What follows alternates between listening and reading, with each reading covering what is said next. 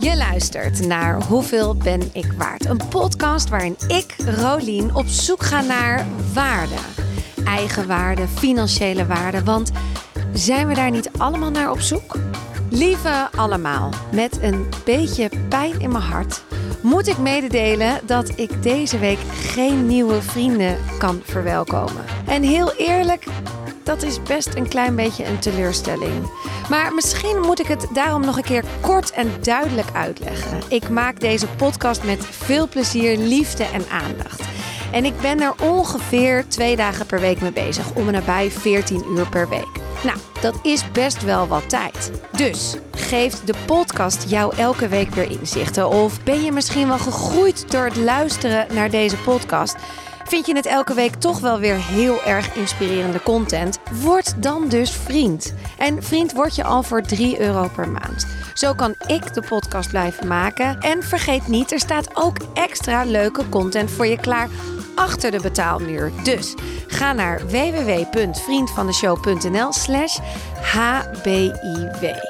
Oké, nu door naar de aflevering. Deze week een levensreddende held. Helene Lameijer. Ze is spoedeisende hulparts en daar vraag ik haar alles over in deze aflevering. Maar naast deze fulltime job heeft ze ook een platform Make Science Work waar ze medische kennis deelt. Verder ontwikkelde ze een reanimatiecursus. Eentje die laagdrempelig is, dus echt voor iedereen.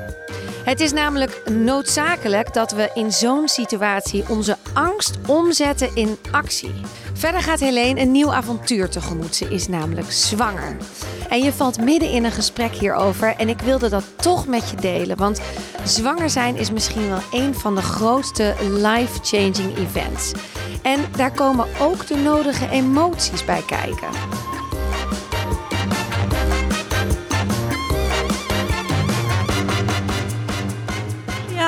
Dat iedereen denkt van, nou ja, je hebt een beetje te veel gegeten, meid.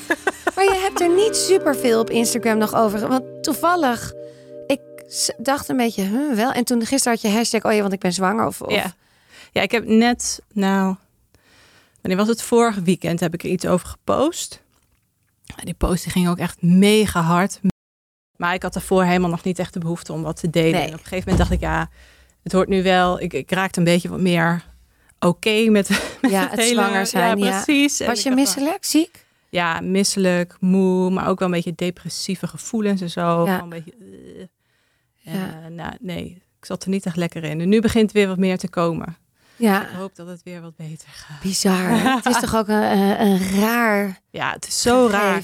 Ook om te merken wat dan hormonen eigenlijk. Ik Ja. weet dat natuurlijk, weet ik dat uit de boeken wat hormonen met je lichaam kunnen doen. Maar om dat dan nu ook zo te ervaren, Ja, dat is wel echt heel apart. ja. Ja. Ja, het is heel. Ik heb een andere podcast gemaakt. Want ik maak dus niet alleen. Ik heb niet alleen dit gemaakt. En die heet. eh, Adem in, adem uit. Een podcast over 's werelds grootste wonder, de geboorte. Met ervaringsdeskundige Rolien, want moeder van drie. En met mij, Aline. Moeder van één, verloskundige en ik geef zwangerschapscursus. En die gaat over positieve geboorteverhalen. Oh. Daar ben ik ooit mee begonnen. Oh ja. Omdat ik het haatte dat iedereen elkaar altijd zo bang maakte. Dat je dan. Dat je dan, dan vertelde je, oh, ik ben zwanger. Oh ja, ik was nou mijn beval uitgescheurd. Ja, maar een ja, beetje leuk hoor, maar wel echt ja. En eh dacht ik, jezus, ik moet nog beginnen, weet je. En het is namelijk echt te gek. Het is het leukste wat er op de hele wereld is. Nee, het is echt... Het is dat ik het drie keer heb gedaan en het nooit meer ga doen. Maar het is zo magisch. En ja, het doet pijn. En ja, het is heftig. En ja, het is intens. Maar dat kan je je wel indenken. Ja. Maar de- Ja. het is zoveel meer dan dat. Dus eh, Ja, ik ben heel benieuwd. Ik heb ook wel tijdens mijn opleiding ook wel een paar bevallingen mogen doen tijdens mijn kooschappen. Dat vond ik ook heel bijzonder. En dat waren ook, ja, ik kende die vrouwen van tevoren natuurlijk helemaal niet, maar die betrokken mij ook echt in die bevalling. En bij een paar kindjes heb ik die ook echt eruit mogen halen. En dan moest ik ook altijd huilen. ja, natuurlijk. Zo bijzonder Ja. dat je daar dan met mensen zit. En ik ben ook eh, laatst, nou laatst jaar geleden ongeveer, toen was een vriendin van mij die ging bevallen in het ziekenhuis waar ik werkte. Dus toen belde ze me op van, hey, ben je aan het werk? En toen kon ik bij een deel van, van die bevalling kon ik bij zijn. Dat was ook heel erg tof om te zien. En zij zat ook echt in een hele fijne trance eigenlijk een beetje. En dat was heel mooi om te zien. Ja, Dus ik ben er niet, niet zo bang voor het bevallen zelf eigenlijk. nee, heel Wel goed. voor de hormoonrush daarna, denk ik. Ja, omdat ik nu al echt zo ja, een beetje depressieve gevoelens had die eerste maanden. En dat ik dacht, oeh, wat overkomt mij? Dus ik hoop dat dat een beetje Ja, stabiel blijft. Maar ik Ja, vind niet. wel mooi dat je dat nu al... Deel je dat al een beetje? Of is dat... Ja, ik heb het wel een beetje gedeeld in die post. En ik denk wel dat ik er nog iets meer over ga vertellen. Want eigenlijk wat heel veel mensen in Nederland niet weten... is dat we enorm goede zorg daarin hebben. Ja. Ja. Dat je zelfs een, een afdeling in het ziekenhuis hebt... die je daar helemaal in kan begeleiden. Dus ja, ik hoop dat die schaamte en dat Ja. taboe daar wat erop zit... want dat is niet wie jij bent. Die Mhm. gevoelens, dat is Ja. gewoon een stukje wat je even cadeau krijgt. Ja, klopt. En, en dat appt ook op een gegeven moment weer weg. En bij de een duurt het wat langer dan de ander. Maar Ja. daar is hulp. Ja, nee, absoluut. Dus Ja, en ook eh, inderdaad wat je zegt, het taboe wat er eigenlijk op zit. Hè? Dat je je gewoon niet goed in je vel kan voelen tijdens je zwangerschap. Terwijl dat wou je toch of zo. En dan hoor je toch blij te zijn. En je ziet eigenlijk alleen maar plaatjes van blije, blije vrouwen, blije mensen. Die, eh, die blij zijn met hun zwangerschap. Nou, ik was helemaal niet blij de eerste maanden. En af en toe wel eventjes, maar zeker niet continu. En ik had allemaal angsten en allemaal, allemaal nare, nare ideeën, twijfel aan de wereld. Allemaal dat soort grote existentiële vragen eigenlijk. En ja, ik ga daar nog wel wat over delen. Maar ik ben nu net dat het even wat lekkerder gaat voelen. Dat wil ik eerst even, even lekker in die vibe zitten. Ja. En dan denk ik dat ik daar wel wat over ga delen. Ja. Want ik had nu al in mijn DM... Ik had bij een Instagram post een kleine hint die richting opgedaan. Had ik in mijn DM al allemaal berichtjes van vrouwen die dan hetzelfde hadden gevoeld. En dat steunt mij. En zo kan ik dan ook weer andere mensen steunen. Als Zeker. weer uitdraag. Ja, ja. Ja. en dat is hartstikke nodig. En dat hoeft niet, dat hadden wij ook met Adem in, Adem uit. Je hoeft niet, wij waren niet voor een ruggenprik of tegen een ruggenprik. We zijn niet voor thuis of voor in het ziekenhuis. Niets. Wij wouden alles neutraal. Wij vonden het gewoon belangrijk dat het op een bepaalde positieve manier werd gebracht. Van, Dat je altijd de controle kan terugpakken. Dat je ook in het ziekenhuis gaan ze naar je luisteren. En kun je Ja. gewoon zeggen wat je wensen zijn. Je, weet je wel, je hoeft niet af te wachten. Je kan gewoon echt helemaal zelf. Ja. En ook dus met hulp. Ja. Het is er allemaal. Ja. Het is niet zoals in Frankrijk dat je gewoon moet gaan liggen. Je moet de rugprik, je moet dit, je moet dat. We hebben zo'n goed systeem hier. En eh, ja, dat en dus dat niet dat je kan ook je, je verhaal delen, maar vanuit een positief iets van kijk, dit, dit ervaar ik allemaal en dat is allemaal best wel lastig. Ja. En dit doe ik ermee. Ja. Dan hoeft het niet vanuit een slachtoffer te zijn. Nee, klopt. Ja. Tof hoor. Ja, en spannend hè. Een Ja. kind, ja, het is toch wat. Hele grote waarde. Ja, een hele grote verandering. Dat, eh, ja, dat is heel spannend. Heel spannend, maar ook zo leuk. Ja, echt. Het is ook te gek. Oké, Oké. we gaan beginnen. Ja. En je weet het, ik stel de vraag altijd. Ja. En ook aan jou. Wanneer wist je voor het eerst wat je waard bent? Ja. Nou ja, daar heb ik natuurlijk wel even over nagedacht. Want ik wist dat die vraag ging komen. En dan heb je natuurlijk ook gelijk de vraag van wat is waarde? Hè? Als je het gaat hebben over waarde in geld, dan was dat denk ik het eerste wat ik me kon herinneren. Dat ik eh, bij mijn oma logeerde bij, eh, eh, met mijn nichtje. En we waren toen denk ik nou zes, er zijn ook wel foto's van. En mijn oma die had altijd een hele grote knutselkamer. En dan mochten wij knutselen met allemaal ja, knutselspulletjes die zij dan had eh, ingeslagen. En daar maakten wij dan werkjes van. En vervolgens gingen we die weer aan haar verkopen. Dus eigenlijk hadden we door wat wij ervan hadden gemaakt, door de producten die zij had, had ingekocht, hadden wij waarde toegevoegd. En daar kregen we dan ook geld voor. En eh, dan kom je er dus achter dat je zelf eigenlijk geld kan creëren. Zelfs als je de investering in dat knutsel, ja, werkje, dat papier en zo allemaal niet zelf hebt gedaan. Maar dat je dan wel waarde kan toevoegen en dat daarom iets geld waard kan zijn. Of nou ja, wat je ervan wilt vragen. Eh, dus dat is de, denk ik de waarde in geld. Als het gaat om van waarde zijn, en dat is in, in mijn vak als dokter natuurlijk, vind ik dat heel belangrijk. Dan is dat denk ik wat later gekomen toen ik een bijbaantje had in de zorg. Ehm, toen was ik, nou, wat zal het zijn, 17 denk ik, vlak voordat ik ging studeren. Misschien was ik nog 16. En dan werkte ik als vakantiebaantje echt in de ouderenzorg. Dus eh, mensen wassen, dat soort dingetjes. Maar dan had ik soms ook wel tijd over. En ik was eigenlijk een beetje extra, extra vakantiewerken. Ik werkte daar niet vast. Dus soms had ik wat tijd over. En dan kan ik ook echt met die mensen in gesprek gaan. Waren allemaal demente mensen. En soms kon ik dan even dansen met iemand. Of een, een vrouw lippenstift opdoen. Wat, waar normaal eigenlijk geen tijd voor was. En ja, dan, dan merkte je echt van... God, die mensen die waarderen dat. Je bent van waarde voor mensen. Je voegt iets toe aan hun dag. En je kunt een glimlach geven eh, bij mensen die het eigenlijk best wel heel moeilijk hebben en die ja, verzorgd moeten worden. Dus ik denk dat dat, ja, dat is natuurlijk ook een heel belangrijke waarde. En dan heb je nog de waarde van waardering. En eh, dat kan natuurlijk zijn in geld, in je werk, hoeveel verdien je. Maar ook in dat gewoon tegen je gezegd wordt van je hebt het heel goed gedaan. Ja. En ik denk dat dat vooral tijdens mijn opleiding, als je echt gaat leren om dokter te zijn en je krijgt dat een keer terug, dan, dan dat gevoel van waardering, naast de waarde die je er ook voor krijgt in geld of in van waarde zijn, dat dat op dat moment kwam. Ja. Dus eigenlijk verschillende definities die ik wel gelukkig allemaal heb meegemaakt. Ja, en, en ik denk dat ook het woord waarde heel vaak in jouw beroep voorkomt. Ja, Dat, dat, dat je dat vaak voelt, dat je Ja. het vaak geeft, dat je het vaak terugkrijgt. Dat het, Ja. dat het bijna levenswaarde, letterlijke. Dat je daar dagelijks mee bezig bent. Maar Ja, misschien moeten we eerst gaan. Wie ben jij? Wat doe jij allemaal? Want je bent veel en doet veel. En eh, mensen kunnen je van Insta ke- kennen. Maar uiteindelijk heb je gewoon een echt grote mensenberoep. ja. Dus vertel, vertel. Nou ja, ik ben spoedeisende hulparts. Dat is mijn specialisatie. Dus ik heb eerst geneeskunde gestudeerd. Daarna ben ik gaan specialiseren binnen de spoedeisende geneeskunde. Ik ben wetenschapper. Dus ik heb ehm, ja, veel wetenschappelijk onderzoek gedaan. Ehm, ik ben begonnen ehm, bij vrouwen met ernstige hartziekten die zwanger werden. Daar heb ik veel onderzoek naar gedaan. En vervolgens doe ik nu veel onderzoek naar eh spoedeisende geneeskunde zaken. Eh, dus ehm, nou ja, kan ik allerlei voorbeelden over noemen. Dat, maakt niet zoveel uit, denk ik. Eh, en daarin ben ik ook gepromoveerd. Dus ik ben ook echt wetenschapper. Ik heb daar een titel in. Eh, en daarnaast heb ik een bedrijf. Dat heet Make Science Works. Dat heet mijn Instagram-account ook. Op Instagram ben ik ook influencer. Eh, maar met het bedrijf ehm, doe ik een heleboel dingen, waaronder onder andere mensen leren reanimeren online. Ja, Ja, heel goed. Want dat is nodig, hè? dat is absoluut nodig. Ja. Ja, ja, Waar- waar- waarom is dat zo? Moeten we dat allemaal kunnen? Ja, dat vind ik wel. Ja, het is, ehm, het, is, het is iets wat je kan doen voor je medemens, maar ook echt voor jezelf. Als er iemand neervalt op straat en jij weet niet wat je op dat moment moet doen, dat is een super machteloos gevoel.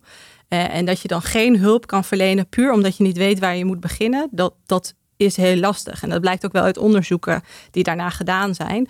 Dat mensen die niet weten wat ze op dat moment moeten doen, die krijgen daar echt last van. En de mensen die wel iets kunnen toevoegen of wel iets kunnen doen, die krijgen daar helemaal geen last van. Ja, Psychisch. maar ik las in een voorgesprekje wat jij had met de redactie. Is, en daar, daar herken ik zelf heel veel in, is het stukje angst. Ja. Ik werk bij de KLM als stewardess en ik, wij krijgen elk jaar worden wij getraind hierop. En ik hoop, hoop echt van harte dat ik het nooit hoef te doen. Omdat ik het gewoon, het lijkt me zo eng. Dus ik wil best gaan pompen. 32 om 2, toch? Om even de herhaling te doen. 30 om 2. Oh, het is 30 om 2. Oh, maar wat erg. 32 mag ook. Kijk, ja, dat als zijn het dingen pompen die is het belangrijkste. Ja, Ja, het, het- het- eigenlijk maken die cijfers niet zo heel veel uit. En dat, dat is ook het is wel grappig dat je dat zegt. Want mensen die eh, zijn dan ook bang voor... oh, straks weet ik niet meer precies hoe het moet. Hè? En dan doe ik 32 Ja. om 2 in plaats van 30. Maar dat maakt helemaal niet uit. Zolang je maar gewoon wat doet. Die 30 om 2, dat is... Er is iets van wetenschappelijk onderzoek dat dat inderdaad een goede verhouding is. Maar wij zijn ook wel periodes geweest dat we eh 30 om 5 deden of 15 om 2. En er is niet zo heel veel bewijs dat het een nou beter is dan het andere. Het is alleen wel zo dat het beste is om die borstcompressies, dus het drukken op de borst met beademingen af te wisselen. ja, Ja, dus zolang je eigenlijk dat maar doet en je begint, dat is altijd beter dan niets doen. klopt. Het, is, het gaat er, dat wordt ook bij de KLM gezegd, je moet iets beginnen. Ja. Begin. Ja. Maar die angst, er zit inderdaad heel veel angst op. Ja. Is dat ook iets wat je heel erg wil uitdragen van... Absoluut. Ja, ja en dat, dat, eh, ja, dat heb ik ook heel erg geprobeerd in mijn cursussen aan te pakken. En ik zeg cursussen, want ik ben begonnen met een hele simpele cursus via Instagram, die ik zelf heb gefilmd met mijn eigen mobiel en een aantal vriendinnen. Eh, en nu is dat een heel professionele cursus geworden uiteindelijk. Ehm, maar dat is iets wat ik heel belangrijk vind om aan te pakken. En, en daarom bestaat die cursus ook echt uit meerdere modules. Waarbij je stapje voor stapje echt leert ehm, om een reanima- reanimatie te herkennen, maar ook om hem te voorkomen, wat je dan gaat doen. Maar ook bijvoorbeeld, ehm, wat eh, gebeurt er als je 112 belt? Wie krijg je dan aan de lijn? Ik ga ook echt langs bij een meldkamer, dus waar je telefoontje van 112 binnenkomt. Daar heb ik een soort van interview daar met degene die dan echt daadwerkelijk ook de telefoon opneemt. En wat kun je verwachten als je 112 belt? Ook om dat allemaal een stuk minder eng te maken. Want eigenlijk op het moment dat je 112 belt, dan komt er hulp. En dan krijg je ook aan de telefoon aan hulp. En ik denk dat op het moment dat je dat al weet, is het al een stukje minder spannend. En ehm, ook dingen als, kun je iets verkeerd doen? Hè? Kun je ribben breken? En is dat dan erg? Nou, het antwoord is, ja, je kan ribben breken en nee, het is niet erg. En allemaal dat soort kleine dingetjes uh, die in die cursus ook verwerkt zitten om te zorgen dat mensen het wat minder spannend vinden. Maar ik denk ook dat je die spanning nooit helemaal weg kan nemen. Want het is wel, het blijft gewoon natuurlijk spannend. Je moet dan iets gaan doen waarmee je een leven kan redden. Ja. Maar dat maakt het ook heel erg mooi. En ik denk dat als je weet welke stappen je moet doen, ongeveer, of als je alleen al 112 durft te bellen omdat je weet wat je daarvan kan verwachten, dat dat al een wereld van verschil kan maken. Ja, ja want ik kan me ook voorstellen, zelfs 112 bellen is inderdaad al, want ik heb ook een keer meegemaakt dat ik moest bellen ook lang geleden hoor. Maar dan vragen ze hele gerichte dingen. Ze willen ook niet veel, terwijl jij gewoon gaat spuwen van net. er ligt iemand op de grond en hij heeft een groene jas aan en weet ik veel. Terwijl en die mensen willen heel duidelijk een paar dingen. Waar het is, uh, hoe, hoe, je daar, nou, whatever. Dat is dus inderdaad eigenlijk ook al hele goede informatie. Hoe gaat zo'n telefoongesprek? Ja, absoluut. Wat kun je verwachten? Maar ook gewoon het hele idee dat als je 1 en 2 belt, zodra je dat hebt gedaan, krijg je hulp. En je kunt het beter een keertje te vaak bellen dan te weinig. Er zijn ook mensen die twijfelen van, nou moet ik hier wel 1 en 2 voor bellen? Misschien is ze gewoon flauw gevallen en dan uh, moet ik dat dan wel doen. Maar ja, dus interessant. Ja. ja. Hoe, hoeveel kost deze cursus? Die kost uh, nu nog 34,95.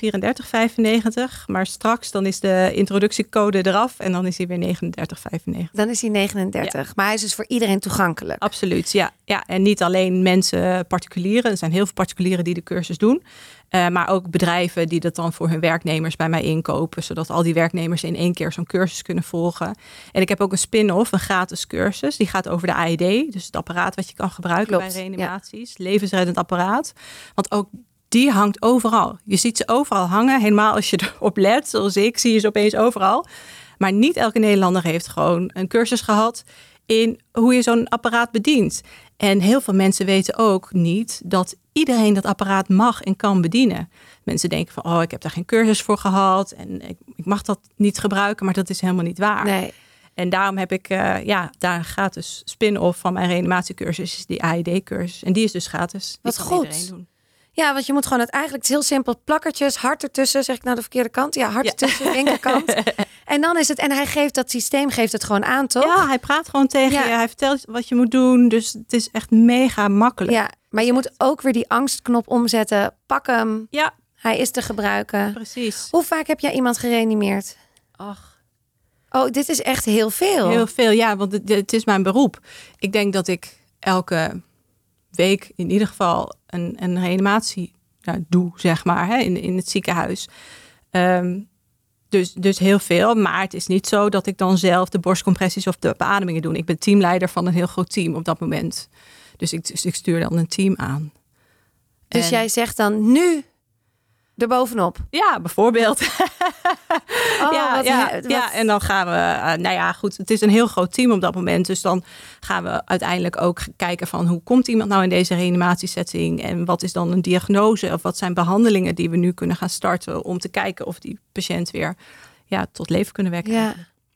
Is dat, is dat, want dit is echt een beetje, ja, volgens mij is dit gewoon kernwaarde. Ik bedoel, iemand leven redden. Ja dat is natuurlijk, wat doet dat met jou als het goed gaat? Wat doet dat met jou als het niet goed gaat? Ja, um, nou ja, als het niet goed gaat, dat ligt er een beetje aan wat van tevoren iemands kansen waren. En het klinkt een beetje gek, maar um, als, als iemand al heel lang gereanimeerd is uh, voordat hij bij mij komt. En, uh, of hij is eerst niet gereanimeerd, heeft heel lang een hartstilstand gehad, vervolgens wordt er gereanimeerd. En dan weet je al, als deze persoon eruit gaat komen, dan komt hij er waarschijnlijk zwaar gehandicapt uit.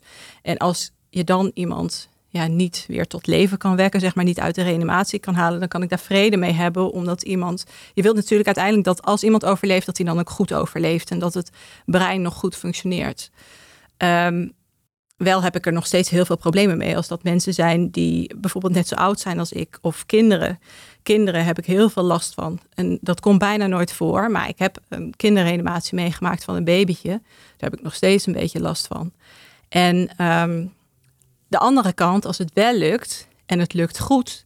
Er is één reanimatie die ik me nog goed kan herinneren. Was van een nou, best wel jonge vent. Hij was nou, ergens tussen de 45 en de 50. En daar hebben we echt het onderste uit de kan gehaald. Heb ik allerlei experimentele behandelingen die ik nog kende, heb ik toegepast. En de volgende dag kwam ik op de intensive care om even bij hem te kijken. En toen zat hij te bellen met zijn 16-jarige dochter. ja, dan, dan jank je ook even de ogen uit de kop eigenlijk. Want dat is ook, dat is echt, dat is echt fantastisch. Dat is waarom je dat doet. En ook waarom je ja, toch soms als je met de rug tegen de muur staat, ook die experimentele behandelingen probeert omdat het soms werkt. Ja. ja en dat is dan weer heel gaaf. Knuffel je die man dan? Of hoe, hoe, hoe gaat zoiets? Dat, is, dat, dat zijn hele rare momenten. Ja. Nou ja, voor zo'n man is het natuurlijk extra raar, want die heeft dat helemaal niet meegemaakt met mij. Ik heb dat meegemaakt met hem. En, uh, en hij ziet mij dan een keer voor het eerst en hij denkt, wie ben jij? Dus dat is dan geen knuffel. Um, maar soms knuffel ik dan wel even met mijn collega's, omdat dat dan heel veel opluchting geeft. Uh, en datzelfde geldt trouwens ook als ik wel ergens verdriet om heb. Ook dat kan ik heel goed delen met mijn collega's. En ook dan kunnen we elkaar steunen en elkaar knuffel geven of bellen waar dat nodig is. Ja. ja. Waarom heb je gekozen voor de spoedeisende hulp? Ja, omdat dat het mooiste is wat er is. maar je kan goed tegen bloed, tegen hartstilstand, tegen eh, gewoon alle dingen waar eigenlijk mensen niet zo dol op zijn. Ja, ik denk dat, maar dat was niet altijd al zo hoor. Tijdens mijn studie vond ik dat allemaal heel erg spannend. Totdat ik er echt ja, wat meer mee in aanreiking kwam. Of wat meer in getraind raakte. Want je raakt er op een gegeven moment, hè, als je een bepaalde kant op gaat, dan moet je heel veel cursussen doen. Krijg je echt ja, een opleiding. En dan raak je gewoon heel getraind in bepaalde dingen. Uh, ook hoe je daarmee om kan gaan. Um, wat het met je doet. Wat het op een gegeven moment niet meer met je doet. En wat ik mooi vind aan de spoedeisende hulp. Is dat geen dag is hetzelfde. Het, er zit spanning in. Er zit rust in. Um, ja, het is gewoon heel, heel gevarieerd en, en ja, heel erg leuk. En wat ook wel heel leuk is aan de spoedeisende hulp, is dat we zijn echt altijd, elke spoedeisende hulp heeft dat denk ik wel, dat je echt een team bent met z'n allen. Met de verpleegkundigen, met de artsen, met de schoonmakers. Iedereen die werkt daar echt heel erg samen. Er is ook een stuk minder hiërarchie op de spoedeisende hulp.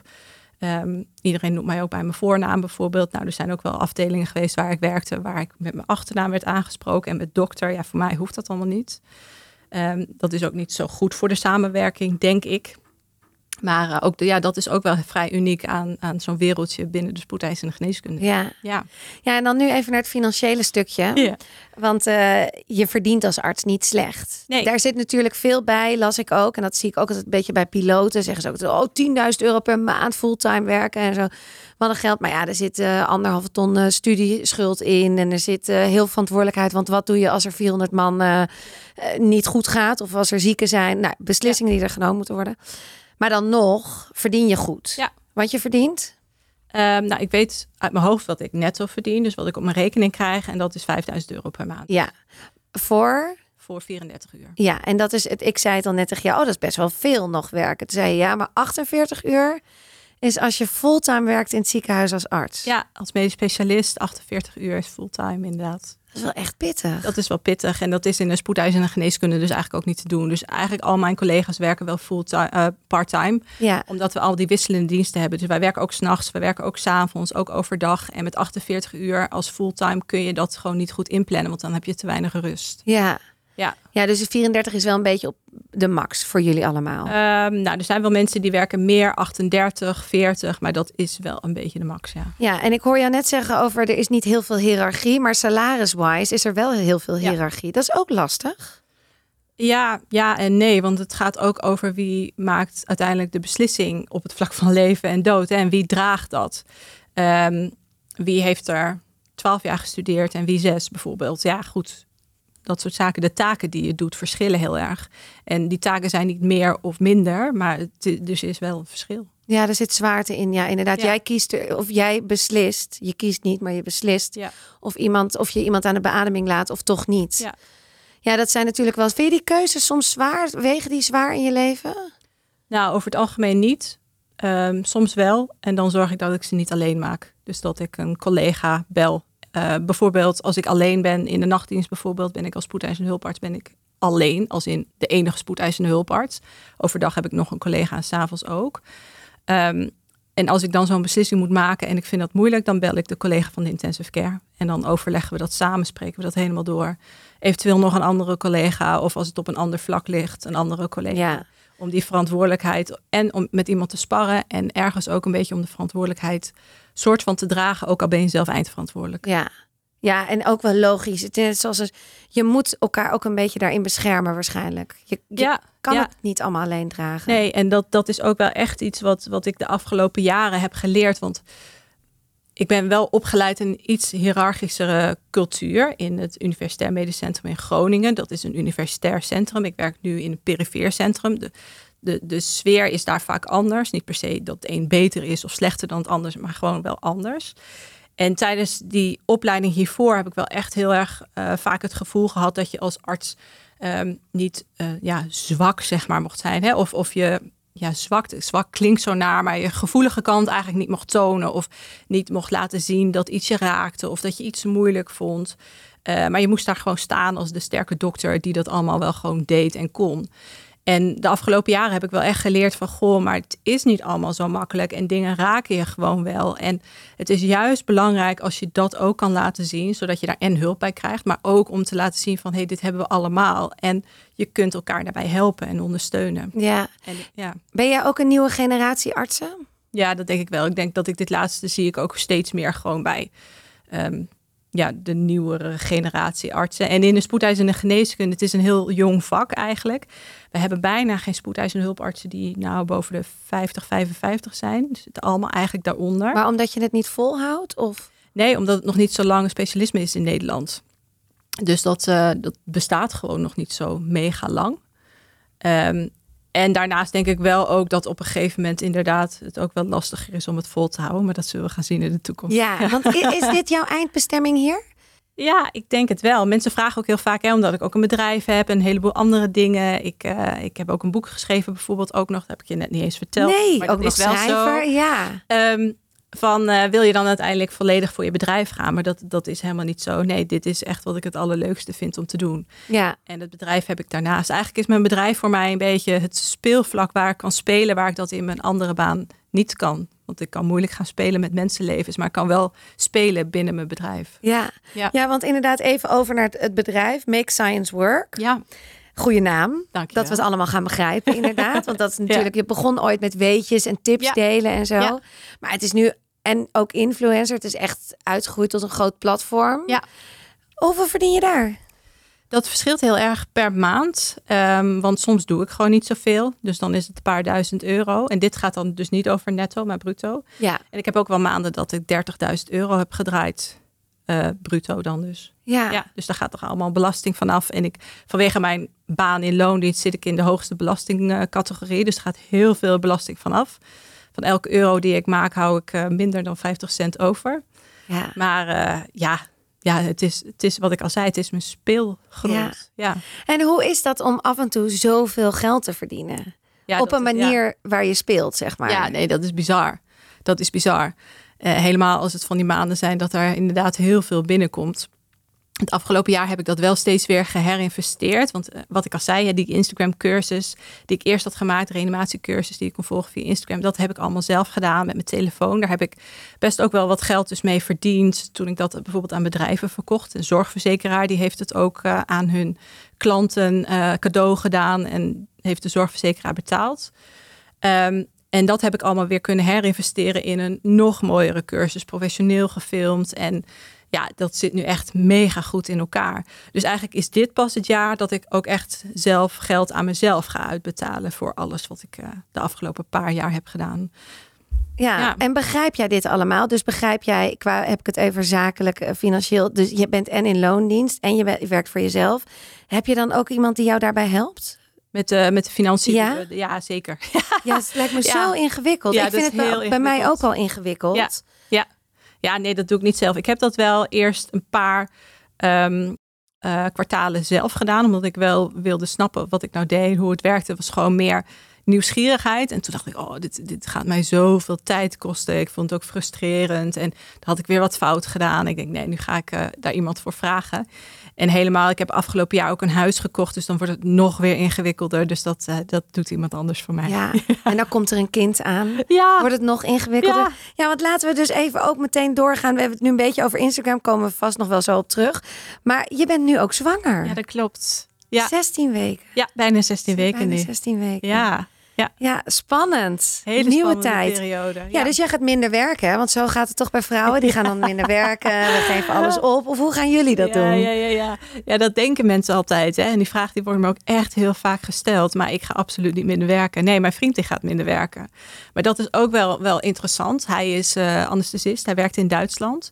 En in Duitsland is dat dus veel beter geregeld voor ouders eigenlijk. Ik wou zeggen voor vaders, maar eigenlijk ook voor moeders. Je krijgt daar als stel, als je in Duitsland werkt, krijg je samen twee jaar wat je mag verdelen aan verlof. Dus, en dat is betaald verlof. Dus samen kan je kiezen van, nou ja, dan neemt de een zoveel tijd en de ander zoveel tijd.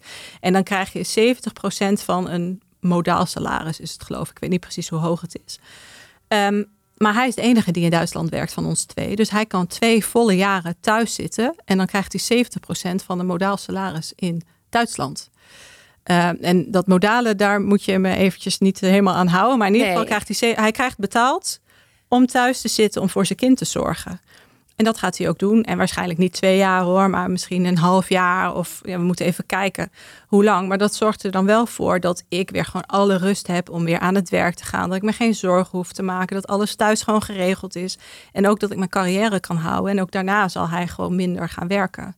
En meer zorgtaken op zich nemen. Ja, dat is ja. dus niet alleen voor die vier maanden of die 16 weken verlof die jij hebt. Je wil daarna gewoon wel weer echt aan de bak zelf. Ja. ja en ook absoluut. misschien dus fulltime. Um, nou ja, hetzelfde ja, als wat ik nu doe. Sorry, ja, ik vind 34 uur fulltime en dan daar nog naast een business vind ik echt wel fulltime werken. Ja. Denk je dat je dat allemaal kan combineren? Ja, ik denk het wel. Juist omdat hij zoveel gaat in, in, ja, inleveren, klinkt zo negatief, maar dat hij um, zijn carrière anders gaat inrichten. En dan dat hij veel meer taken gaat, op zich gaat nemen. Andersom zie je dat ook vaak. Hè? Als een vrouw uh, meer zorgtaken gaat opnemen, dan kan de man ook blijven werken. Ik zou niet weten waarom dat andersom niet zou kunnen. Nee. Ik denk wel dat het heel lastig is wanneer wij allebei volledig zouden gaan werken. Dat, dat lijkt me heel moeilijk. Ik zie dat ook wel bij sommige collega's. Dat is echt wel ja, jong leren met agenda's eigenlijk. Dat lijkt me heel erg zwaar. Maar ik denk dat zolang hij uh, ja, meer zorgtaken op zich gaat nemen, dat het voor mij geen probleem zal zijn. Maar ja, goed, ik weet natuurlijk ook nog niet wat al die hormonen straks met mij gaan doen, hoe ik me ga voelen. Um, veel nee, dat mij, zie ja, je. God, we maar, zien het wel. Ja, want ik vind het wel interessant. Want hoe heb je dan dit gesprek met hem? Want uh, zei jij gewoon, ja, kijk, ik wil wel een kindje met jou. En het, als het ons gegeven is. En dat is gelukt en alles. Uh, maar ja, jij zei, ik ga niet minder werken. Nee, ja, eigenlijk komt daar een beetje op neer. We hadden, hij had een wat sterkere kinderwens dan ik. Um, dus hij, hij wilde dat ook al wel veel langer. Ik heb daar echt goed over na moeten denken. Echt goed moeten denken van, wil ik dat zelf? Um, wil ik dat op deze wereld, et cetera. Veel over nagedacht. Ook een paar keer met mezelf in mijn eentje op vakantie geweest. Puur met dat vraagstuk. Om dat voor mezelf te wat, beantwoorden. Wat, waar, wat lag er dan op voor jou? Welke overtuigingen? Waarom het niet? Um, moet je dat wel doen in deze wereld? Er zijn dan genoeg mensen. Um, is het iets egoïstisch om te kiezen voor um, ja, het, het hebben van een kind? Uh, maakt het mij gelukkig? Um, ja, eigenlijk allemaal dat soort vragen. Maar ook wel, wat gaat het doen met mijn carrière waar ik me nu zo fijn in voel? Of eigenlijk niet eens zozeer mijn carrière, maar het leven zoals ik dat nu heb. Hoe gaat dat veranderen? Wil ik dat dat gaat veranderen? Nou ja, allemaal dat soort vragen eigenlijk. Ja, ja. Wil, ik, wil ik dit überhaupt meemaken in mijn leven? Of zijn er andere dingen die ik wil doen? Um, wat niet zou kunnen met een kind bijvoorbeeld. Dus het voelde voor jou niet per se als de circle of life? Nee, nee ik heb ook nooit echt dat gevoel gehad, wat veel vrouwen denk ik wel kennen, echt dat, dat oermoedergevoel. Zo was het voor mij niet. Ik heb daar echt heel erg, ja, eigenlijk best wel rationeel over nagedacht. En ook in die zin een beetje een rationele de beslissing ook wel genomen. Uiteindelijk wel, uh, ja, ook wel gevoelsmatig hoor. Ik heb uiteindelijk heb ik een droom gehad waarin ik soort van dacht te zien wie mijn toekomstige kind was. Ja, dit klinkt alweer opeens heel spiritueel. Nee, daar hou ik van. Terwijl ik, ben heel, heel spiritueel. Ben. nee, vertel. Ja, uiteindelijk heb ik op een gegeven moment, uh, toen uh, was ik dus ook zo met mezelf op reis en of op reis, vakantie. Um, met, met dit vraagstuk in mijn, uh, in mijn hoofd. En toen heb ik een droom gehad dat ik. Uh, eerst keek ik zelf in de spiegel en was ik een vrouw van rond de, rond de 50, grijs haar. En toen zag ik mijn vriend, die was ook helemaal grijs. En toen ging de deur open van het nieuwe huis wat wij recent hebben gekocht. Waar we dus nog steeds woonden op die leeftijd. En uh, kwam er een jongen binnen en die leek precies op mij, mijn broertje en mijn vriend. Dus echt, ik zag gelijk, dat is hem. En die zei, hey mam, ik ga eh, een biertje drinken in de stad of zo. En ik voelde op dat moment zoveel liefde in die droom. En toen werd ik wakker. En toen dacht ik, wauw, als ik in mijn leven ooit wil meemaken dat ik zoveel liefde kan voelen, als ik dat ooit wil meemaken, dan moet ik nu beginnen. En dat, dat heeft me echt, ja, of dat nou waar gaat zijn of niet, maar gewoon dat gevoel van liefde wat ik in die droom voelde. Toen dacht ik, ja, dat wil ik meemaken in mijn leven. Oké, maar wat moet er dan uiteindelijk voor gaan gebeuren? Wil ik wel ook het leven wat ik nu heb ehm, en het geluk wat ik voel in het leven wat ik nu heb, dat vooral kunnen behouden? Ja, toen hebben we eigenlijk gewoon om de tafel gezeten. Heb ik bedacht, wat is er dan voor mij nodig? En uh, wat heb ik van jou nodig om dit samen te kunnen doen? Ja. Hoe verdelen jullie het financieel nu? Uh, nu verdelen we het niet zoveel financieel. We hebben gewoon allebei een rekening, gezamenlijke rekening. En daar gaat de hypotheek vanaf. Hoeveel storten jullie allebei op de gezamenlijke rekening? Um, ja, dat is een goede vraag. Paar duizend euro. Gaat automatisch? Ja, dat gaat allemaal automatisch. Hij doet dat, ja. Is dat Ja. evenveel nu? Ja. Ja. Maar straks? Straks hebben we afgesproken dat als ehm, zijn inkomsten, als hij dus thuis zit met ons kind, als die, eh, wat hebben we nou afgesproken? Als die minder zijn dan eh, twee keer de huur, dan eh, dus zijn deel van de huur. Dus als hij de helft van zijn salaris of zijn inkomsten kwijt zou zijn aan de huur, dan ga ik meer betalen. En dan gaan we het dus procentueel recht trekken. Jullie moeten nog even weten hoeveel dat modaal inkomen is. Ja. En voordat het in gang is gezet. Ja. En dan gaat het gewoon een beetje naar ratio. Ja, ja, ja, dat zeg je eigenlijk veel beter. Ja, toch? Ja. Een beetje zo, ja. ja. Ja. maar dan, dus de- in de toekomst komen er nog wel dit soort financiële gesprekken. Ja, waarschijnlijk wel. En eh, dat hebben we ook allemaal wel vastgelegd in ons samenlevingscontract. Al die afspraken al van tevoren. Dus daar hebben we ook echt heel erg over nagedacht. Van hoe gaan we dat doen? Ehm, en dan gaan dit soort gesprekken inderdaad komen. Maar waarschijnlijk zal hij op een gegeven moment wel weer bijvoorbeeld drie dagen gaan werken. En ja, dan verdient hij al veel meer dan dat modale inkomen. Dus Ja. dan, wordt die verhouding alweer anders. Ja, tuurlijk. Ja, en dat zou ook het hele leven veranderen. Want ik bedoel, misschien zeg jij wel, ik wil een jaar een sabbatical. Kan, Ja, hè? En dan ja. ga je weer anders kijken. Ja, Maar jullie hebben die gesprekken dus wel. Ja. Zijn die, met, Ja. zijn die intens of zijn die... Is dat gezellig? Of is dat... Hoe, hoe ervaar jij dat? Ja, ik vind het wel gezellig. Ik, vind, ik, ik heb daar geen problemen mee om daarover te praten. En ik vind het ook. het- in het begin begint het natuurlijk als een soort van hypothetisch gesprek. Van wat als dit, wat als dat. En dan op een gegeven moment ga je dat echt vastleggen. Ehm, en ja, dat vastleggen, dat vond ik wel een beetje een dingetje in het samenlevingscontract. Of überhaupt al een samenlevingscontract met elkaar aangaan.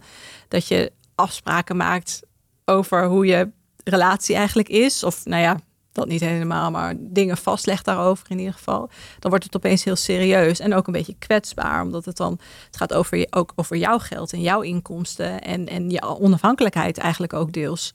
Ehm, dus dat vond ik wel wat lastiger. Maar gewoon de gesprekken aan zich vind ik wel prima. Ja. Ja.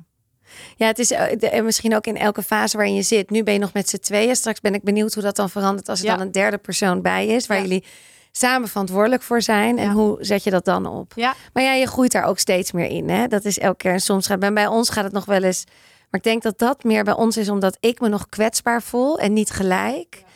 Eh, en wij zijn er ook niet gelijk, want ik had al een kindje toen onze relatie, dus wij gingen er al ongelijk in. En ik verdien, dus dat is altijd heel erg aftasten. Hoe, eh, maar het, ik vind dat altijd heel interessant. Maar ik wil weer even terug naar het influencen, hè? want Ja. eh, dat doe je ook. Ja. Werk je samen met merken? Soms wel, ja. Hoe Ja. kies je een merk? Ehm, nou, ik ga bijna, stap ik zelf nooit op merken af. Mijn merken komen eigenlijk naar mij. En dan kijk ik, past dit in eh, wat ik wil uitdragen? Of zeg maar mijn brand eigenlijk, wat het nu een beetje is geworden. Hè? Past het, heeft het iets eh, van effect op gezondheid? Ehm, heeft het iets te maken met eh, als ja, female empowerment? Ik weet niet hoe je dat goed zegt in Nee, het mooi. Nederlands, Maar, Ja, ehm, dat zijn dingen die ik wil uitdragen. ja eigenlijk. gezondheid, vrouwen. Ja, Nou, straks soms kinderen wat business misschien. of verstandige keuzes maken. Ja. Ik heb bijvoorbeeld net heb ik eh, met een, eh, een eh, wat was een app voor om te kijken hoe hoog je pensioen is bijvoorbeeld. Ja. Nou, daar was ik zelf net mee bezig geweest en toen kwam ik er dus bijvoorbeeld ook achter dat mijn pensioen ehm, hè, dat had ook te maken met dat samenlevingscontract wat we hebben getekend. Stel ik overlijd, dan krijgt hij ook een deel van mijn pensioen Ja. en dat is prima. Ja, Maar als hij overlijdt, omdat hij in Duitsland werkt, eh, kreeg ik bijna geen pensioen van hem. En op zich zou ik dat kunnen dragen, maar het is niet zo helemaal prima. Dus daarom hebben we bijvoorbeeld een overlijdensrisicoverzekering ook afge, Afgeslo afgesloten. Afgesloten. Afgesloten. Moet ook altijd Ja. denken. Ja, oké. Eh, ja, dus, dus dat, dat, soort ja, dingetjes. En denk, oh ja, dat, dat vind ik wel leuk om te delen. Dus dan ga ik ja. zo'n samenwerking aan. Maar zijn... En, en, en heb je dan een soort agentschap die dat voor jou regelt? nee, doe ik zelf. Het gaat rechtstreeks naar jou. Hoe Ja. onderhandel je dan? Hoeveel wil je dan hebben voor zoiets? Ik, ik hoef niet precies dat bedrag te weten, maar wat zijn de bedragen die vanuit jouw hart komen en zeggen: ja, daar sta ik, dat, dat wil ik ervoor hebben? Ja, in principe gaat dat nu om iets van ehm 1000 euro voor een story of een post. Eén story. Ja, en dan, dat is wel echt een verhaaltje. Dan Ja. maak er wel gewoon wat leuks van. Want als ik het doe, dan geloof ik ook in het Ja. merk. En dan wil ik ook gewoon iets leuks ervan maken. Ehm, en soms zijn het bedrijven die ik wel heel leuk vind, maar die gewoon nog minder te bieden hebben. En dan, eh, ja, dan is het een afweging.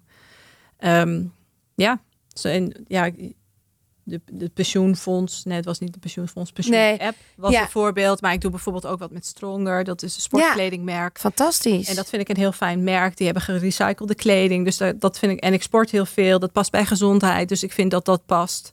Eh, maar ik krijg ook heel vaak ja, aanvragen van ehm, eh, de farmaceutische industrie, bijvoorbeeld. Ja, Vind je dat lastig? Daar zeg ik gewoon nee tegen. Ja. Ja, dat, dat vind ik dat, dat kan ik niet maken, want dan ben ik niet meer onpartijdig. Ik wou net zeggen, dat is ook, want dat heb ik met affiliate deals. Ik zou dus nooit.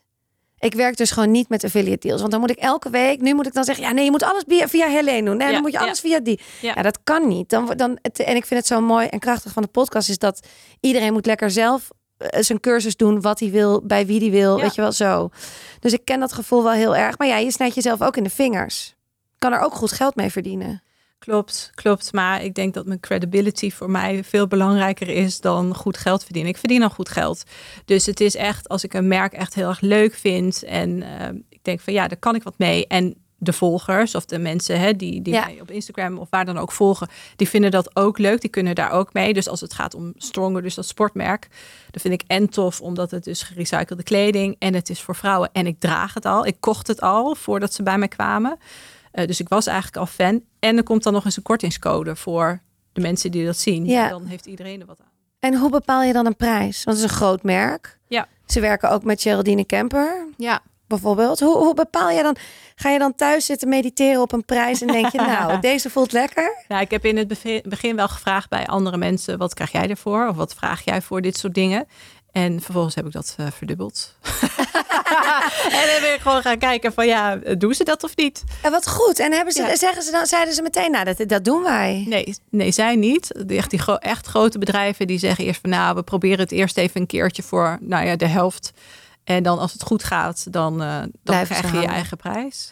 En eh, want heb je ook wel eens gemerkt, want dat is inderdaad, je, kijk, je, het is natuurlijk, ik denk wel eens, nou, waarom sponsort niemand de podcast? En waarom heb ik nog niet acht sponsors? Maar ja, ze moeten ook iets terugkrijgen. Je, Ja. je verkoopt uiteindelijk ook gewoon iets. Ja. Merk jij dat Stronger, dat je meer verkoopt? Dat je, dat je goed verkoopt? Bijvoorbeeld bij Stronger of een ander merk? Of Ja, dat weet ik niet, want dat delen zij niet. Maar ze zijn wel enthousiast over onze samenwerking. En ik zelf ook. Ik vind het zelf ook een leuke samenwerking. Dus als ik zelf de samenwerking niet leuk zou vinden, ondanks dat ik er geld voor zou krijgen, dan zou ik ermee stoppen.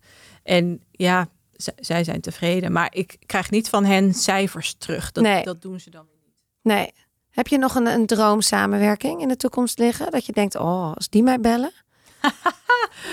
Ehm, nee, nee, maar ik denk ook omdat dat niet, niet het belangrijkste is Nee, van het hè? werk dat ik doe. Dus eh, dat, dat zijn dingetjes die komen erbij en die zorgen ervoor dat ik meer inkomsten heb die ik al dan niet kan investeren weer in andere dingen die ik doe. Hè? Want als, als je kijkt wat ik ook allemaal gratis deel, ik heb een website met allemaal blogs eh, die ik schrijf. Ik, ik stop daar heel veel tijd in. Eigenlijk is dit ook een beetje de manier waarop ik die tijd weer terug kan. Ja. Ja, mooi, een mooie manier. Ja, en we zijn nog één ding vergeten, want je bent ook dagvoorzitter. Ja, dat klopt. Ja, Doe je dat vaak? Ehm, niet mega vaak. Ehm, want het is best wel intens eigenlijk om te doen. Het is ook heel leuk hoor. En ik heb dat ook wel gedaan met eh, online webinars bijvoorbeeld. En eh, echt dingen presenteren. Ook wel met camera op pad. eh, maar ook op grote congressen. En ik geef ook los van dagvoorzitterschap ook gewoon losse talks op congressen. Ehm, eerst vond ik dat echt mega leuk om te doen. Nu vind ik het nog steeds heel leuk, maar heb ik het ook al wel heel vaak gedaan. Dat maakt wel dat die talks veel beter worden. En ja, mijn dagvoorzitterschap is ook veel beter geworden omdat ik het zo vaak heb gedaan. Aan de andere kant kost het me ook ja, best wel veel energie om dat te doen. Dus nu doe ik dat ook alleen nog maar als ik er de juiste prijs voor krijg. Ja. Wat is Ja. een juiste prijs daarvoor? Hoeveel is een dagvoorzitterschap voor jou? Eh, als ik echt de hele dag onderweg ben, dan is dat tussen de 3000 en de 5000 euro. Ja, dat is wel veel geld, hè? Klopt. Voor maar één ja. dag. Ja. Ja, en voorbereiden. Precies, ja, ja, je ziet niet wat er allemaal nog daarvoor gebeurt. Hè? Aan voorbereiding, aan inlezen. Nou ja, bij mij gaat dus meer dan de helft naar de Belastingdienst. Dus dat gaat ook nog eens soort van weg. Ehm, wat ik overigens helemaal niet erg vind hoor. Ik heb ook altijd geprofiteerd van de Belastingdienst. Ik heb altijd een studiefinanciering gekregen. Eh, en nu is het gewoon mijn tijd om dat ook terug te betalen. Uh, in, ja, in het succes wat Ja. ik mag hebben. Ja, het is ook ergens vind ik het ook altijd wel trots om het te Ja. kunnen betalen, toch? Ja, ja, Het heeft ook wel iets van, ja, je, je draagt gewoon bij ook aan de samenleving Ja. wat er nu in corona is gebeurd. Dat we Ja. hebben toch ja hopelijk ook een beetje, ja. Dat, Ja. ja. Ja, en ik, het voelt voor mij ook echt zo dat de samenleving heeft, heeft ook in mij geïnvesteerd. En nu mag ik dat weer terug investeren via de belasting. Hoewel nog e- heel even daarop terugkomend, als we kijken naar de zorg, is natuurlijk wel krankjorum ook hoe slecht het ook betaald wordt. Hè? En dan heb ik het over eh, de zorg in de bejaardentehuizen, de Absoluut. zorg in de, de onder verpleegsters. Ja. Ik bedoel, Ja. hoe hard hebben we die mensen moeten werken en hoe bagger komen ze eruit nu, weet je? Absoluut. Dus Ja, daar is nog veel winst te behalen. Eh, dan denk ik ook wel eens van hoeveel moet ik verdienen eh, als je kijkt naar die, weet je wel, die banen van Jezus, Ja. toch een keer op of zo. Dus Ja, ja, ja, ja, ik snap wat je zegt, maar aan de andere kant is natuurlijk wat jij doet ook heel erg waardevol. Het is, het is Absoluut. heel lastig om dat, eh, denk ik, zo te kwantificeren en vooral om dat met elkaar te vergelijken. Maar het Ja. staat denk ik buiten kijf dat, dat eh, verzorgende verpleegkundigen, eh, leraren, weet ik veel. De, Ja, de, precies. zo- de hele zorg, zeg maar. Dus echt inderdaad van leraar tot, tot het ziekenhuis. Ja, daar moet, dat moet gewoon onder de loep genomen worden. En daar moeten gewoon andere bedragen tegenover staan. Ja. Maar ja, dat is ingewikkeld. Dat hoeven wij ook niet op te lossen. Gelukkig nee. Maar dus dat influence, het is, daar doe je ook weer gewoon goede dingen mee. Dat is dat, dat, dat je zet dat echt weer in voor die cursus te verbreden en mooier te maken. Die cursus, dat is wel, ik vind het wel slim. Voor 35 euro of nu dus bijna voor 40, net onder de 40 euro, heb je dus al een cursus thuis. Ja. Ik vind dat ik er eigenlijk één weg mag geven. Ja, dat is goed. Ja? dit is wel heel spannend. Dat is wel heel erg, hè? Ja, ik echt gewoon nu anders ter- geef je er vijf weg. Ja, je hoort het goed. Helene geeft vijf reanimatiecursussen weg. En die wil je doen. Want laten we nou echt allemaal leren te reanimeren. Houd dus mijn Insta in de gaten, want daar zie je de winactie verschijnen. Maar ik vind, ik vind het, want ik geloof ook dat ik zou het ook wel vaker willen zien en, en kunnen. Want ik, ik, net zoals dat je eigenlijk vind ik dat iedereen dat appje op zijn telefoon moet hebben. Dat Ja. als er hier in de buurt een reanimatie nodig is, dat we dan gaan.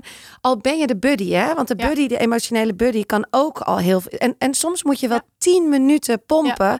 Nou, dat is knijterlang. Ja. Dus dan kun je ook, als je met z'n tweeën reanimeert, kan je ook met z'n twee, kan je om de beurt. Nou, niet de hele tijd om de beurt, maar Ja. dan kan één iemand vijf minuten en de ander kan Ja. ook. Kun je afwisselen. Ja, Dus, zeker. dus als we dat allemaal zouden kunnen, ja, het redt wel levens. Het is wel echt mijn allergrootste angst. Maar dat, dat terzijde.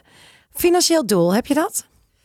Ehm, ja en nee. Kijk, het lijkt me heel erg mooi om echt financieel vrij te kunnen zijn. En nu ben ik wel financieel onafhankelijk, maar ik moet wel nog steeds werken voor mijn geld en inkomsten hebben. Dus het lijkt me heel vet als je op een gegeven moment zoveel hebt ehm, ja, gespaard, wou ik zeggen, maar eigenlijk moet het zijn geïnvesteerd, bijvoorbeeld in aandelen of wat dan ook, dat je financieel vrij zou kunnen zijn. Dat lijkt me heel erg mooi. Wil ik daar heel veel voor laten? Hè? Want er zijn best wel veel mensen die dat nu proberen door heel sober te gaan leven en, en alles wat ze overhoudt te investeren in aandelen of crypto of noem maar op. Ehm, maar dan moet je dus ook wel heel veel daarvoor laten. En dat wil ik dan weer niet, want ik wil ook graag heel leuk leven. Ehm, maar ja, dat zou een financieel doel kunnen zijn. Iets wat ik nog wel heel graag zou willen, is een vakantiehuisje in de bosjes. Die ik dan tussendoor ook kan verhuren. Ehm, dat is ook een financieel doel, want dan moet je ook eerst kunnen betalen. En dat kan ik nu nog lang niet. En dat mag in Nederland zijn? Of moet Ja. dat meteen eh, over de grens? Nee, eh? in Nederland, in Drenthe, in Norg. Ik heb, de plek heb ik al ongeveer bedacht, want daar kom ik heel graag ook op de racefiets. Maar eh, ja, dat lijkt me heel erg mooi. En nog en, en één laatste vraag. Ben je spiritueel? Nee, hè, zei je net. Nou, ik ben eigenlijk best wel nuchter. Ja, ik ben een wetenschapper, ik ben heel nuchter. Maar soms komt er dus zoiets op mijn pad, zoals zo'n droom. En dan ga je toch een beetje weer anders over dingen nadenken. Ja. Ja, want het is toch niet alleen maar dit? Dit is toch niet alles? Ehm, Nu, voor het aardse wel. Ja, maar ik weet het niet. Ik vind het ook heel moeilijk. En ik vind het ook wel ehm, een beetje beangstigend soms om daarover na te denken. Dat had ik ook, eh, nou, de eerste weken van mijn zwangerschap. Dat je heel erg gaat nadenken over wat is het leven? Wat is de dood? Wat komt er na de dood? En op een gegeven moment, ik ben gewend als wetenschapper dat je iets kan onderzoeken en dan krijg je een verklaring of een antwoord. En hier krijg je gewoon geen antwoord op. En je kan overal zoeken. Er zijn heel veel antwoorden, maar niets zegt jou dat iets de waarheid is. En ik kan daar dan helemaal in doordraaien. Ik kan daar helemaal angsten van krijgen. Het is heel vervelend. Maar wat voor angsten dan? Bang voor de dood, angsten, bang voor het leven bijna, bang voor. Ja, bang voor. ehm, ja, oneindigheid eigenlijk ook wel. Stel, stel dat er wel een soort van hemel of nirvana of Dan gaan we weer door, denk je dan? ga je weer door. Ja. Maar ook het angst voor het stoppen. Dat, dat er hierna niets meer is en dat dan alles wat jij was weg is. Dat vind ik ook een heel eng idee. Dus eigenlijk in alle gevallen vind ik het helemaal niet zo tof. En ook meerdere levens, als je daar heel erg, tenminste als ik daar heel erg over na ga denken. Ik vond het eerst vond ik dat wel een fijn idee. Als je denkt van ja, wat is dan uiteindelijk het einddoel? En, en wat wil je dan uiteindelijk gaan bereiken? En hoeveel levens moet je dan nog hebben? En oeh, wat gaat er dan nog allemaal gebeuren? Dus ja, goed. Ik kan me daar helemaal in vastdenken. Eh en dat is denk ik omdat ik zo gewend ben om, om antwoorden te kunnen vinden. Ja. Ja. Ben je dan bang voor de dood? Ehm, niet voor de dood van anderen, wel de dood van mezelf. Ja. ja. Ja. Wat een contrast dan. Ja. maar het is ook dat ik zie best wel vaak relatief Dood. mensen doodgaan. En ik weet hoe dat eruit ziet. Ik weet wat ik dan zelf kan bijdragen. eh, vaak. Soms nog niet, maar vaak wel. En ehm, Maar heeft het ook Ja. niet iets vredigs, dood? Is het niet de paniek gewoon van het, het, het lijfelijke loslaten en de, de emotie eromheen van de mensen? Maar is de dood zelf is ook, lijkt mij, een soort heel. Ja, ik heb nog nooit een dood iemand gezien, moet ik heel eerlijk zeggen. Tenminste, niet zo daadwerkelijk of dichtbij of dat ik het zelf. Maar dood lijkt me ook gewoon iets moois van. Ja, dat lichaam is alsof je- gewoon die auto is op. De motor is uit de auto. Ja. That's it. als, als het zo is wel. Hè. Mijn, mijn oma is recent overleden. Ehm, mijn oma was eigenlijk echt een soort van mijn vriendin. We zagen elkaar ook heel vaak. Ze woonde bij mij om de hoek. En die was echt ook klaar met het leven. En, en eerst intern niet, maar op een gegeven moment wel. Ze had een voltooid leven. Haar lichaam wilde niet meer. En die is overleden. En dat was mooi. En dat vind ik ook mooi voor haar dat het klaar is. Maar er zijn ook mensen die doodgaan plots opeens uit Ja. het niets. Die worden aangereden of wat dan ook. En daar ben ik bang voor. Dat het Ja. zo opeens gaat dat je niet kan voorbereiden. En dat, dat zie ik natuurlijk ook wel in de praktijk. Dat dat mensen overkomt, Ja. dat dat gebeurt. Ja, en waarom? Hè? Dan, wil je, dan wil je eigenlijk gewoon een verklaring hebben. Een wetenschappelijke verklaring. Wat, wat Ja. ging hier nou mis in dit Ja. ja. Ja, en wat is de reden in het grotere geheel, geheel? Ja. dat dit zo moest zijn of gaan? En eh, ja, is er een groter geheel? Is dan de vervolgvraag. En zo ja, wat dan? En eh, of is er niks? En wat is dan allemaal het doel van dit alles als er niks is? Eh, is er wel een doel? Of is het leven gewoon het leven en en that's it? En of is het leven het doel? Ja. Maar ja, dan kun je, ja, goed, ik kan daar dus helemaal in doorstaan. Ja, Het maar dat vind ik ook wel mooi. Ja. ja, en het is ook wel ingewikkeld. Maar ik, ik geloof bijvoorbeeld ook wel heel erg dat iedereen op dit moment, iedereen, al die miljarden mensen, die hebben allemaal een reden om nu op deze aarde te zijn. En als dat op een gegeven moment ophoudt, en natuurlijk valt dat niet te verklaren als je een kindje van vier hebt en die overlijdt, hè, of een baby van zes maanden, of een, een jonge vrouw van zestien, die kan ik niet verklaren. En dat, de, dat snap ik ook niet. Maar, maar ik geloof dat nu, nu leven we allemaal zoals we nu even moeten leven. Jij hebt een belangrijke rol op dit in dit leven nu te doen. En als dat dus stopt, dan is dat ook mooi. Dan stopt dat. Maar dan komt er weer iets en dat pakt het weer. Ja, het, ik vind het ook eigenlijk veel te ingewikkeld. Maar ik, ik, ben, ik, nou, ik ben helemaal niet bang voor de dood. Ik ben wel bang voor pijn. Dus ik ben niet bang dat ik overlijd. Maar laat me dan alsjeblieft een hartstilstand hebben. Ja. Dat ik gewoon in één keer de pijp uitga. Eh, maar niet een ongeluk en dat ik eh, inwendig helemaal doodbloed. Dat lijkt mij een hele nare dood. Weet je, dan ben ik Ja. wel bang voor de dood. Ja. Maar de dood aan zich denk ik, nee, volgens mij is het ook wel... Ja, ik geloof ook wel dat ik een soort gebroeders leeuwenhart ben. Ken je dat boek nog van vroeger? nee, dat zijn van twee van die broers die dan eh, in de hemel... die gaan dan op paarden en ridders. En echt een soort Game of Thrones, maar dan heel lieflijk. Dus ik denk dat dat... Ja, ik weet het niet. Dat hou ik maar vast. Ja, dat het heel me- leuk is. Dat Ja. lijkt me heel mooi. Ja, Ja. ja. en ik, ik denk dan gelijk ver van, nou ja, er is geen bewijs dat het zo zal zijn. Dus wat als dat niet zo is, dan wat? Uh, maar Ja, goed. maar het is ook lekker als er gewoon niks meer is. ja, dat lijkt me, ja, het lijkt me vreselijk. Ja, maar dan me- weet ja. je niks, hè? Je weet dan ook niet wat je... Dan is er niks. Nee, maar gewoon dat niet weten, niet meer zijn. Ja, ik, ik vind dat geen geruststelling. Net zoals dat ik het eeuwige leven geen geruststelling vind. Zeg nee, maar. lijkt me ook verschrikkelijk. Ja. Nee, ik Dus wil op een gegeven moment ja. wel de pijp uit hoor. Niet nu, maar op een gegeven moment dan ben ik er wel klaar mee. Ja, nee, wat dat betreft, ze zeggen dat dieren, veel dieren in ieder geval niet bewust zijn van hun eigen sterven, hè? of hun sterfelijkheid eigenlijk. Dat lijkt me toch ook wel heerlijk. Ik heb een kat en soms dan zit hij overdag, eh, ligt ze zo ergens te slapen, lang uit. Terwijl ik denk van ja, nee, ik moet wat doen. Ik ben nu aan het leven. Of Ja, ik moet iets doen met mijn leven. En die kat die ligt er maar gewoon lekker niet bewust te zijn van haar eigen sterfelijkheid. heerlijk hè, zou dat zijn. Heerlijk. Ja. Ja. En over het algemeen hebben wij mensen hebben dat natuurlijk over het algemeen ook wel. Hè, dat we daar niet de hele tijd bewust van zijn. Maar ja, ik heb dat nu dus met die zwangerschap Ja. en, en het creëren van nieuw leven ben ik daar wel heel erg mee bezig. Ja, En zijn dat vragen die wel weer naar boven komen. maar ik vind het ook wel mooie vragen. Tenminste, als je er dus niet angstig van wordt. Maar daar ben je nu mee aan het dealen van hoe kan ik daar... Ja, en dat gaat al stukken beter hoor. Dat, eh, ja, dat, eh, dat, dat gaat echt stukken En beter. dat- maar- Ga je ook je hele leven houden. ja, waarschijnlijk bij elk groot live event dat zoiets weer eventjes naar voren Ja. komt. Ja, En het zal, ja, dat, ik geloof dan dat dat is niet voor niets dat dat nu even jouw thema is. Of dat dat nu even Ja. op je pad komt. Ja. Maar het is gewoon grappig bij jou, omdat je gewoon spoedeisende hulparts bent. en ook met die, met die vragen, ook over waarden in het leven, nadenkt van Ja. wat is dit dan? En, eh. Ja. Mooi wel hoor. dit was hem. We gaan hem afsluiten. Nou, dat is echt super snel. Snel hè? Ja. Nou, we gaan nog heel even door, maar dat is dan achter de betaalmuur. Dit was hem voor deze week. Wil je meer horen van mijn gasten? Dat kan. Word dan dus vriend van de show voor slechts 3 euro per maand en luister daar naar de 5 vragen van Rolien. Ga dus naar www.vriendvandeshow.nl slash hbiw. En voor nu, tot de volgende!